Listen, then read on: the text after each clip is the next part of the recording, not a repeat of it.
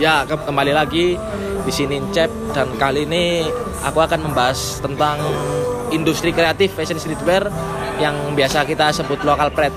Jadi di sini saya bersama teman saya Afri Salwadianto dan kita akan berdiskusi mengenai streetwear ini atau lokal pride ini.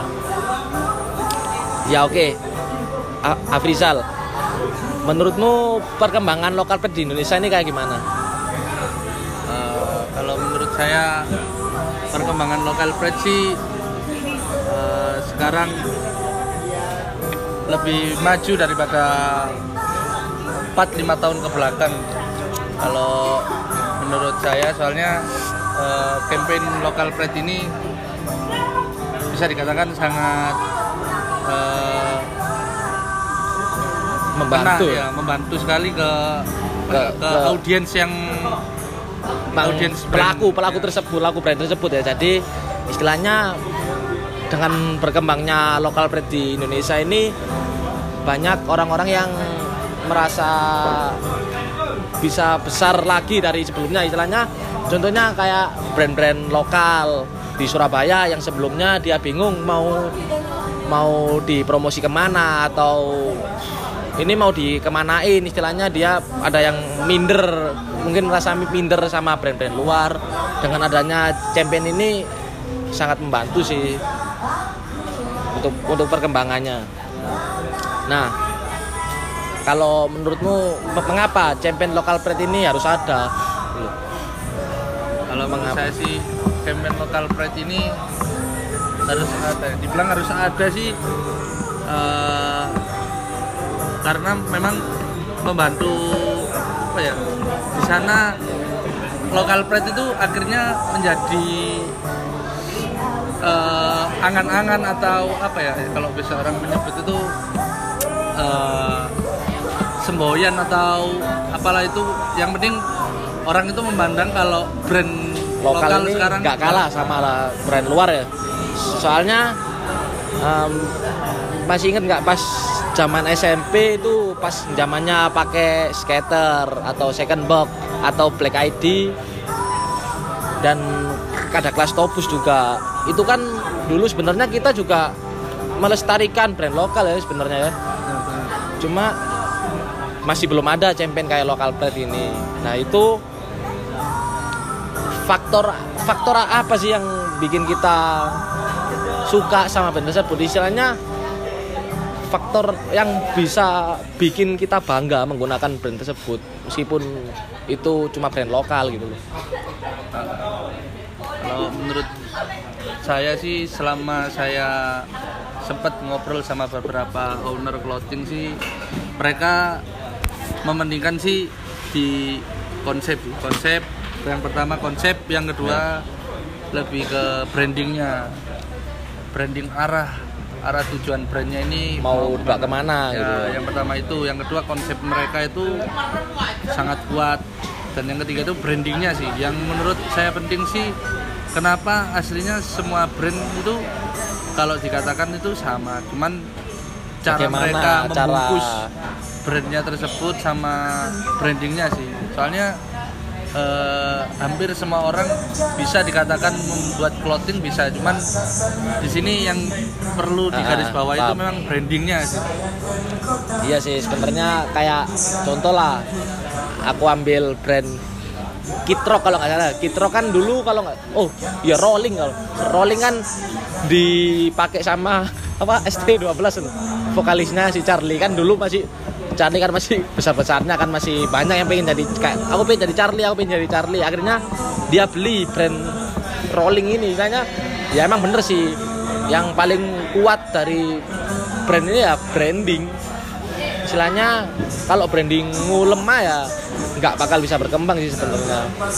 Pertama sih kalau menurut saya di positioningnya positioning brand mereka itu mau ke arah eh, middle high terus Oh, paham, paham. eh, middle atau middle low itu kalau biasa orang menyebut itu brand itu mau ke arah kalangan atas kalangan menengah atau kalangan menengah ke bawah soalnya itu masuk ke branding tersebut kan eh, saya saya analogikan seperti ini. Hmm.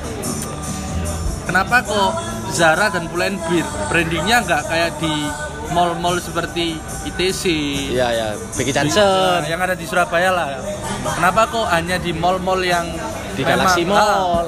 yang memang mall-mall yang besar lah menurut menurut situ hanya bisa di ya nggak bisa bukan bisa hanya bisa dijangkau cuman orang yang mampu lah buat eh, ke beli membeli brand tersebut sama mallnya itu brandingnya bagus Paham paham sih. Jadi sebenarnya kita selain mikir branding juga mikir ini kan apa? Segmentasi ya misalnya positioning lah tujuan pemas tujuan pasar kan tujuan pasar kita mau dijual di mana lah kalau kita udah ngomong masalah tujuan pasar atau positioning pasti berarti kita ngomongin masalah harga harga kan ini kan kan mungkin kalian juga tahu ada kaos yang harganya 60.000 ada yang 90.000 ada yang 200.000 ada yang 400.000 nah apakah harga tersebut mempengaruhi material material yang digunakan atau kayak gimana. Eh, kalau menurut sudut pandang saya sih eh, semua brand sih hampir materialnya itu nggak ada ya. Kalau menurut saya material contoh kat- katakanlah kaos lah. Ya. kaos yang berbahan dasar katun seperti itu hampir relatif sama lah. Hampir relatif sama. Cuman yang saya bilang tadi gimana positioning brand itu buat masuk ke segmentasi apa?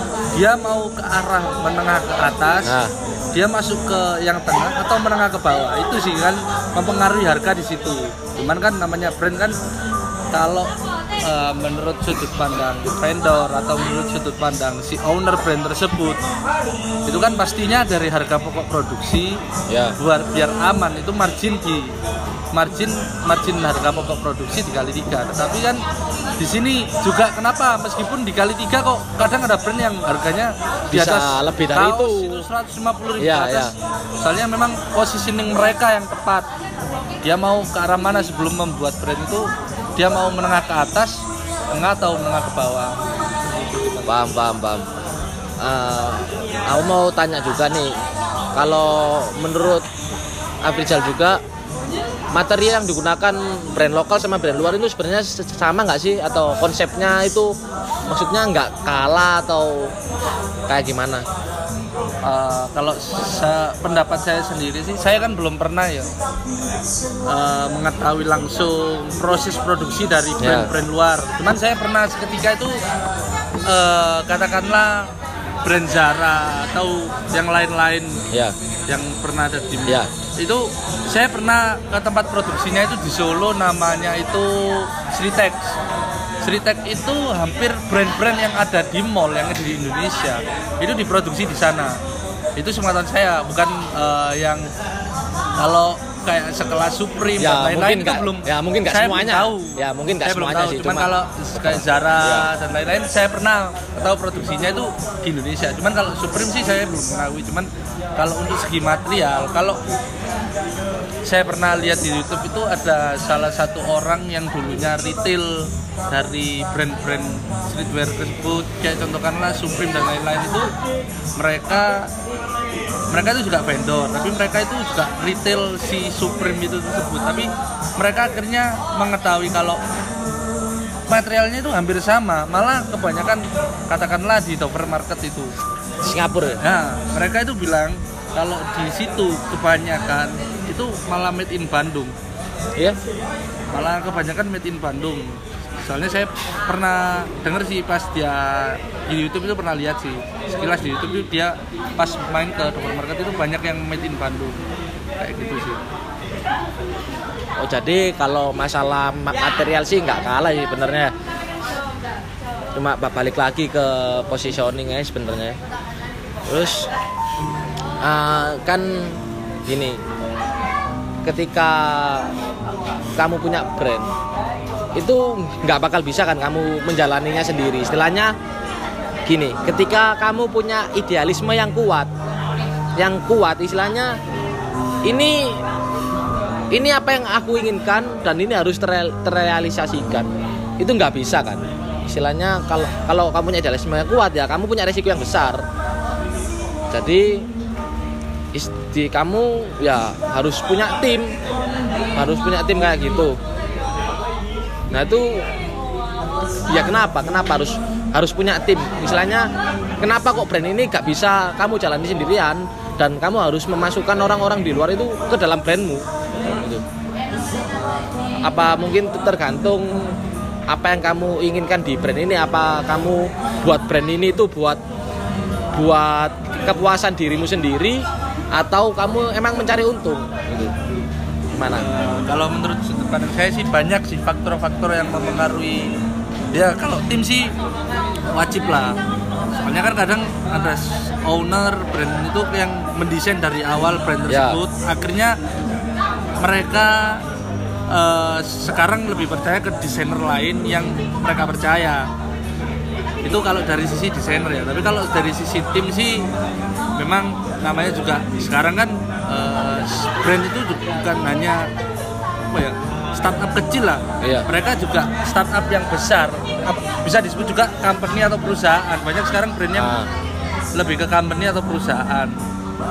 So, eh, menurut saya sih itu eh, balik lagi ya ke sisi ownernya ya. Kadang kan owner eh, si tim itu kadang ada yang eh, lebih Tahu. ke apa maunya si Ah, brand tersebut. Ah. tapi di sisi lain mereka juga eh, si owner juga harus apa ya banyak banyak lah. Kan sekarang juga inovasi itu juga perlu. Makanya mereka butuh tim di situ kan eh, kemauan si timnya sama kemauan si ownernya juga harus bisa jadi satu lah. Terus sekarang kan juga lagi ma- zamannya eh, ownernya itu yang sekarang itu eh, menginvestkan atau atau bisa disebut apa ya buka Eh, saham gitu. ah, kayak atau, ya, dibikin saham kan kalau sudah perusahaan kan ada saham Iya. Soalnya memang sekarang kalau sepenglihatan saya sih eh, perlu sih karena mereka berpikir lah kalau pertama soal idealis tersebut, kedua brand tersebut itu nggak selamanya akan di situ-situ aja. Ah. dan yang ya yang penting itu paling eh, brand tersebut gak akan selamanya ada lah. Brand tersebut gak akan selamanya ada dan mereka pasti berpikir pasti dia eh, ekspansi lah. Mereka mereka berpikir kalau si brand ini saya pegang sendiri kalau ada jatuhnya saya yang ngerasain sendiri oh masih ada. Nah contohnya seperti itu sih. Kalau saya mikirnya seperti itu. Kalau misalnya mereka memiliki tim Ah, tim dan eh, pembagian saham itu menurut saya bagus sih. Soalnya mereka pasti berpikir eh, kesehatan si brand tersebut atau kelangsungan brand tersebut Ah, mau ke bawah iya. ke mana? Misalnya kayak gitu ya. Soalnya sih kalau saya melihat sih brand itu kalau beberapa pendapat orang yang waktu saya pernah, pernah temuin itu brand itu juga manusia seperti manusia brand itu seperti makhluk hidup bagaimana kita itu kayak gimana Ah, itu? kayak gimana contohnya sih kalau menurut saya sih ah kalau brand hidup itu kayak contoh katakanlah Ya. desain desain itu eh, bisa dari desain tersebut kan biasanya menyuarakan apa yang di mau ya disampaikan. maksudnya ada makna di Ah. balik desain tersebut ya pertama Oke. itu yang kedua brand kan kadang bagaimana kita mengarahkan brand tersebut akan hidup kalau kita mengarahkan yang benar. Dan kalau misalnya kita mengarahkan yang tidak tepat itu brand itu akan mati. Kan seperti makhluk hidup mereka. Kalau misalnya kita kita menempatkan tempat yang tepat maka brand tersebut akan hidup sih. Menurut saya sih kayak gitu. Berarti istilahnya kita harus memanusiakan brand tersebut ya berarti ya jadi seperti itu. Jadi terus gini aku sebenarnya penasaran ya dari dulu. Bukan penasaran sih aku bingung aja tentang ini. Kamu baru bikin brand. Kamu baru bikin brand dan kamu ingin brandmu besar. Itu tahap-tahap apa sih? Maksudnya bukan tahap-tahap apa kayak apa sih yang harus kamu lakukan kita kita lakukan agar brand ini itu bisa besar dan memanusia manusia maksudnya manusia manusia itu kayak kayak gini. Contoh kita kan pasti kalau kita punya brand kita kan butuh vendor.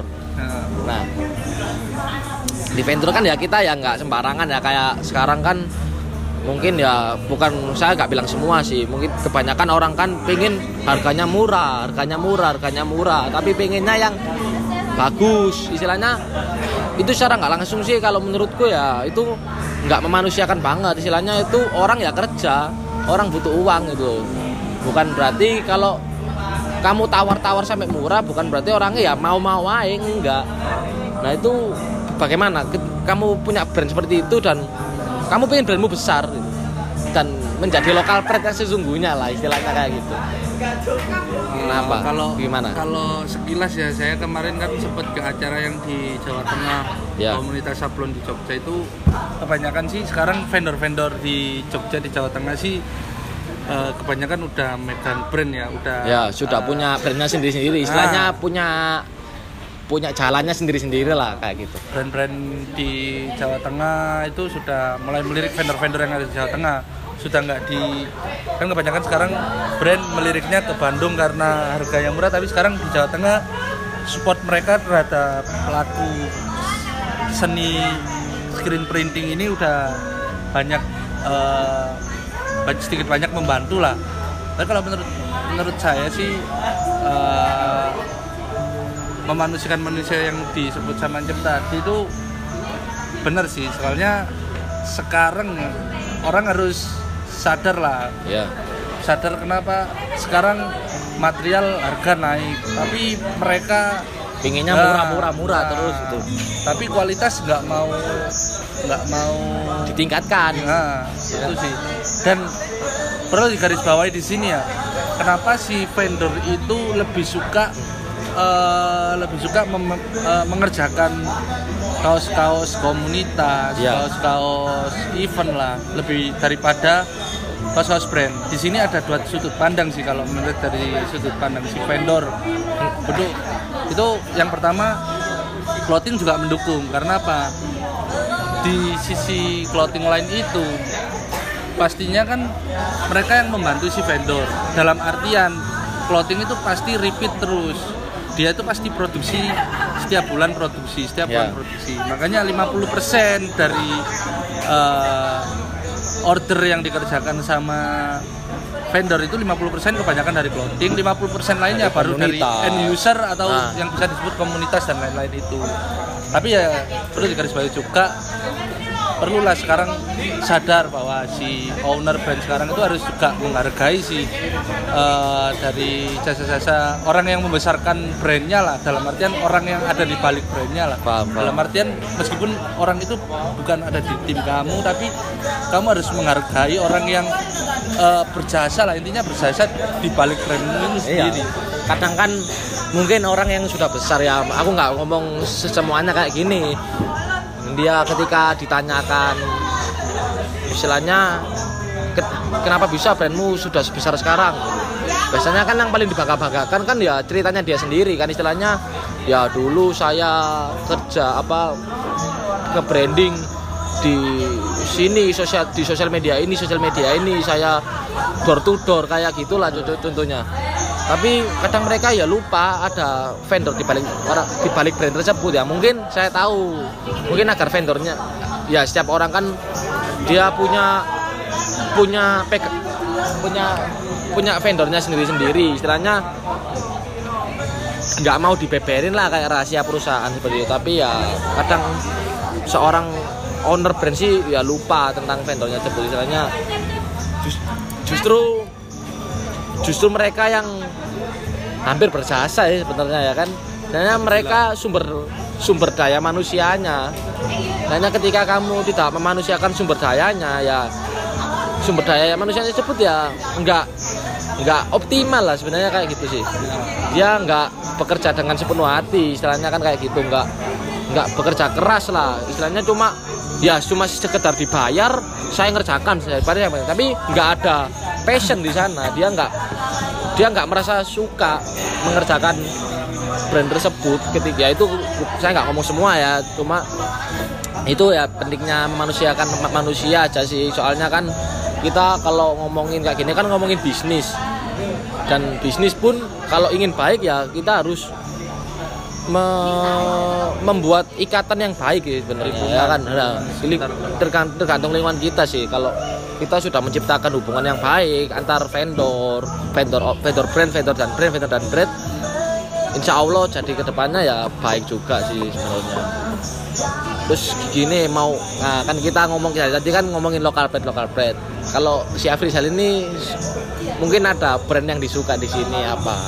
Yang lagi streetwear lah brand streetwear di di toko retail mungkin ada Kalau yang disuka. Dan Indonesia ya? kenapa? Dan kenapa? Indonesia sih saya suka ke Paradise Yacht Club itu suka saya. Maksudnya dari sisi konsepnya brandingnya dia eh, bagus sih. Konsep sama brandingnya dia bagus. Terus kalau brand luar Chinatown Market bagus. Terus eh, banyak sih kalau brand luar brand lokal brand lokal kalau brand lokal ya kayak Paradise itu sekarang lagi happening lah. Terus eh, beberapa lagi ya banyak sih kalau tapi kalau favorit saya sih yang lagi ini Base Club juga bagus. Cuman kalau kalau yang saya paling saya suka sih ya Paradise sih. Soalnya mereka nggak nggak asal ya nggak Nah. asal bikin produk kan mereka Nah, mereka juga nggak terlalu memikirkan apa ya kalau sekilas di lookbooknya ya saya nggak Ya. memikirkan banyak pilihan sih tapi dia memang limited sih kalau sepenglihatan saya sebagai konsumtif dari Konsumen. brand- konsumen atau konsumen brand tersebut sih dia lebih apa ya lebih limited sih kalau saya melihat nggak nggak terlalu banyak nggak nggak terlalu banyak pilihan tapi pilihan yang mau dipilih itu oh ya kan kadang kan brand Bagus-bagus itu, semua. ah, Bingung. brand itu mikirnya saya mau nyiptain brand awal terus saya banyak pilihan. Tapi si Paradise ini dia Dia- itu nggak terlalu banyak dia konsisten dengan limitednya kan? Bisa dibilang sih kalau menurut sudut pandang sendiri. Tapi eh, sekilas itu dari obrolan awal saya tadi sampai sekarang ini menurut sudut pandang saya sendiri. Jadi kalau Nah, ya ya. Ya ini mungkin tentang apa pendapat kita aja ya. Kan kita diskusi nyantai lah sambil ngopi. Ya. Ini soalnya kalau kalian tahu si Afrizal ini juga dia screen printer, dia pekerja di bidang sablon. Jadi ya dia cukup tahu lah masalah kayak material atau brand-brand kan dia juga mengikuti. Kalau saya sendiri sih saya suka brand ini sandi-sandi sih sebenarnya. Bukan maksudnya saya su sebenarnya gini, saya sukanya itu jujur karena si si ownernya sih. Oh. Karena si ownernya kan si Doci. Nah itu kan saya juga suka dari dulu dari bandnya kan si Pegaskin. Akhirnya saya tahu Doci, terus Doci bikin brand. Nah itu sandi-sandi saya suka soalnya konsep-konsep yang ditawarin Doci ini enggak kayak brand yang lainnya gitu. Istilahnya dia mereka punya punya originalitasnya di sendiri mungkin kalau mau ya kalian cek sendiri sesande sesande sande kalian nanti bakal tahu apa yang saya omongin soalnya gini ya saya kan kayak Supreme, Babe habis itu brand-brand luar lah kayak ya itu Babe Ma- Ma- Mastermind atau Fucking Rapid itu saya suka tapi nggak bisa beli kan? Kan ya misalnya kantong saya nggak nyukupi lah. Lah si Sandi Sandi ini dia menciptakan brand ini yang sama elegannya dengan brand-brand tersebut itu yang saya suka. Istilahnya terlihat ya mewah. Nah itu sih itu salah satu brand yang saya suka aja sih si Sandi Sandi. Habis itu saya juga suka si Thunder Vintage. Thunder Vintage itu mereka dia kayak clothing line tapi di, di kemeja apa itu namanya kemeja itu? Yang pokoknya yang lagi zaman zaman sekarang lah yang yang kerannya agak besar itulah saya nggak tahu namanya itu nah itu saya suka kenapa? Soalnya mereka si Thunder ini mereka punya banyak pilihan dan saya bingung. Istilahnya gini kalau mungkin kalau mau beli ma- ma- material lah kayak material-material gitu kan kita harus ke pasar toko kain lah toko kain seperti itu. Nah material material yang ditawarkan di Thunder ini bermacam-macam. Misalnya desainnya itu banyak bukan desain 1 2 3 yang di brand lain itu juga ada mereka punya punya originalitas di sana. Kalau kalian penasaran coba cek Thunder vintage gitu. Nah itu kalian lihat di sana. Itu banyak desain-desain sih di sana. Banyak banyak contoh desain yang menarik lah. Dari yang Mona Lisa dari yang yang tropik atau yang sekedar coret-coretan atau yang elegan itu banyak ya. Itu itu saya suka sih brand kayak gitu nah kalau menurut si Hafiz ini apa ini gini uh, mungkin ada pesan dan kesan yang mau disampaikan di industri kreatif khususnya di bidang toko retail streetwear ya, di lokal lokal atau lokal pet ini sebagai pelaku usaha screen printer lah.